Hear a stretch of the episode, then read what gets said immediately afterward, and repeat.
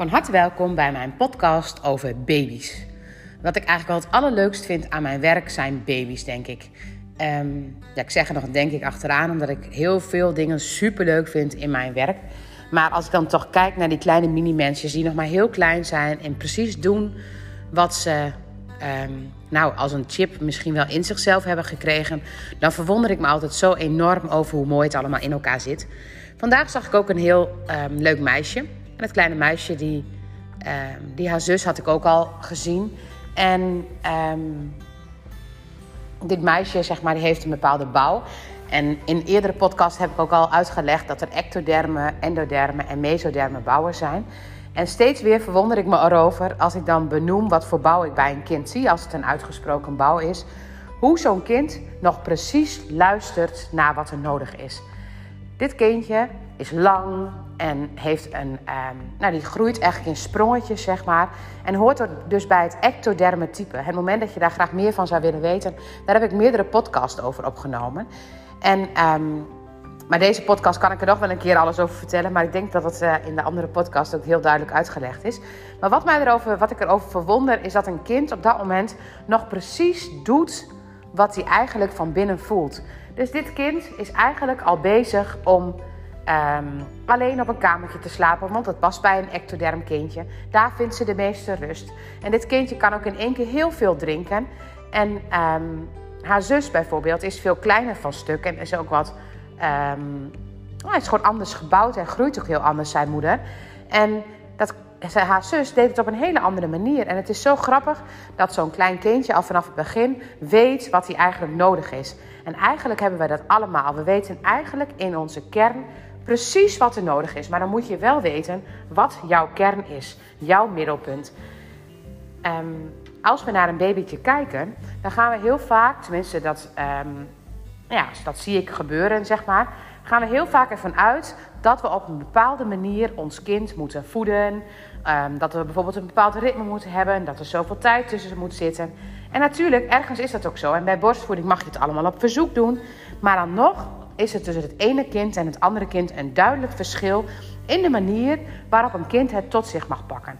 Het ene kind bijvoorbeeld vindt het heerlijk om gewoon um, rust te hebben om zich heen als het aan het eten is. Het andere kind vindt het prima als het lekker gezellig is om hem heen. Het andere kind heeft het echt nodig, als ze dan wat ouder zijn, om maar één voedingsstof per keer te eten. Dus die gaat niet alle soorten tegelijk eten. En het andere kind daarentegen, die maakt er één groot feestje van. En die legt de aardappels en de boontjes en het vlees, bij wijze van spreken, in een leuk vormpje neer om er daarna heerlijk van te kunnen genieten. En het zijn allemaal verschillende vormen van manieren van eten. En dat kunnen we uit de bouw halen. Dat kun je ook uit een human design halen. Dat is ook een hele mooie methode om te kijken wat voor manier je eigenlijk eten dat je moet nemen. Maar eigenlijk het moment dat je daar een methode voor nodig bent, dan ben je eigenlijk niet helemaal in je kern. Hoe eet jij het liefst? Hoe eet jouw baby het liefst? Deze baby die um, uh, eet het liefst in één keer veel en dan een tijd niet. Dat kan ik zien aan de bouw, maar dat kun je ook al een beetje zien aan de manier waarop ze zich gedraagt. En um, in de zwangerschap is moeder veel misselijk geweest en had het nodig om niet meer misselijk te zijn, om steeds kleine beetjes te eten. Dus het kind heeft eigenlijk, buiten het feit dat het een ectoderm kindje is en ik denk een design heeft dat het um, in één keer veel steeds mag eten, heeft dit kindje in de zwangerschap eigenlijk al een imprinting gehad. Dat je steeds wel een klein beetje moet eten. Want anders wordt, het, word je misselijk. Nou weet het kind niet dat je dan misselijk wordt. Maar het is wel heel grappig. Deze imprinting is precies lijnrecht tegenover de imprinting die denk ik bij dit kindje hoort. En um, op deze manier gaan wij dus van ons eigen gevoel af. Want al in de zwangerschap gaan de dingen anders dan... Ik bedoel, bij mama gaan misschien manieren van voeding wel anders dan dat het bij jou gaat. En het moment dat je in de buik zit bij je moeder en je prent dan de manier van eten van je moeder in. En het is totaal een ander beeld als het, het beeld van jezelf, hoe jij het doet. Dan is dat um, een imprinting die jij wel meeneemt en wel een bepaald gevoel dat jij denkt dat jij dat op die manier nodig bent. Wat ik hiermee wil zeggen is dat elk kind eigenlijk in de kern precies laat zien wat het nodig is. En in plaats van proberen om een kind in een bepaald systeem te krijgen, wat natuurlijk heel handig is, is het ook belangrijk om te zien hoe eet mijn kind het beste. Heeft mijn kind een bepaalde rust nodig? Heeft mijn kind zeg maar behoefte aan een bepaalde uh, structuur, zeg maar bepaalde tijden van voeding? Houdt het ook makkelijk de tijden tussen? Of tappast het er maar wat van af en is het allemaal prima?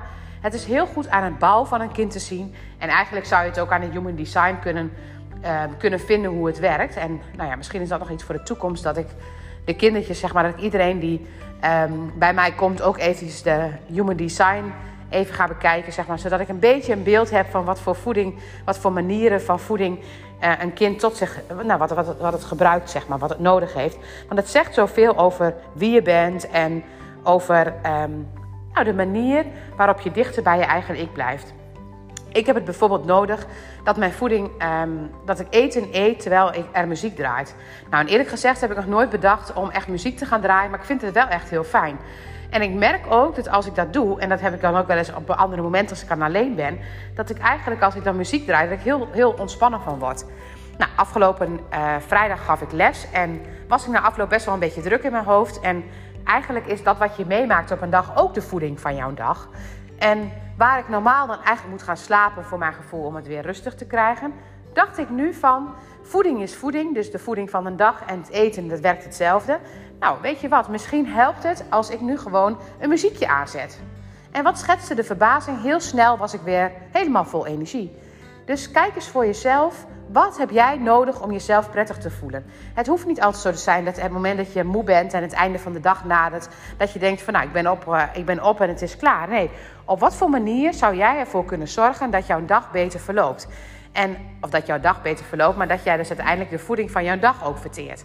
En Kijk eens naar een baby. Hoe werkt het bij een kind? Hoe werkt het bij jouw kind? Dus het moment dat jouw kind een dag heeft gehad op school en het komt terug en het is, um, het is helemaal moe.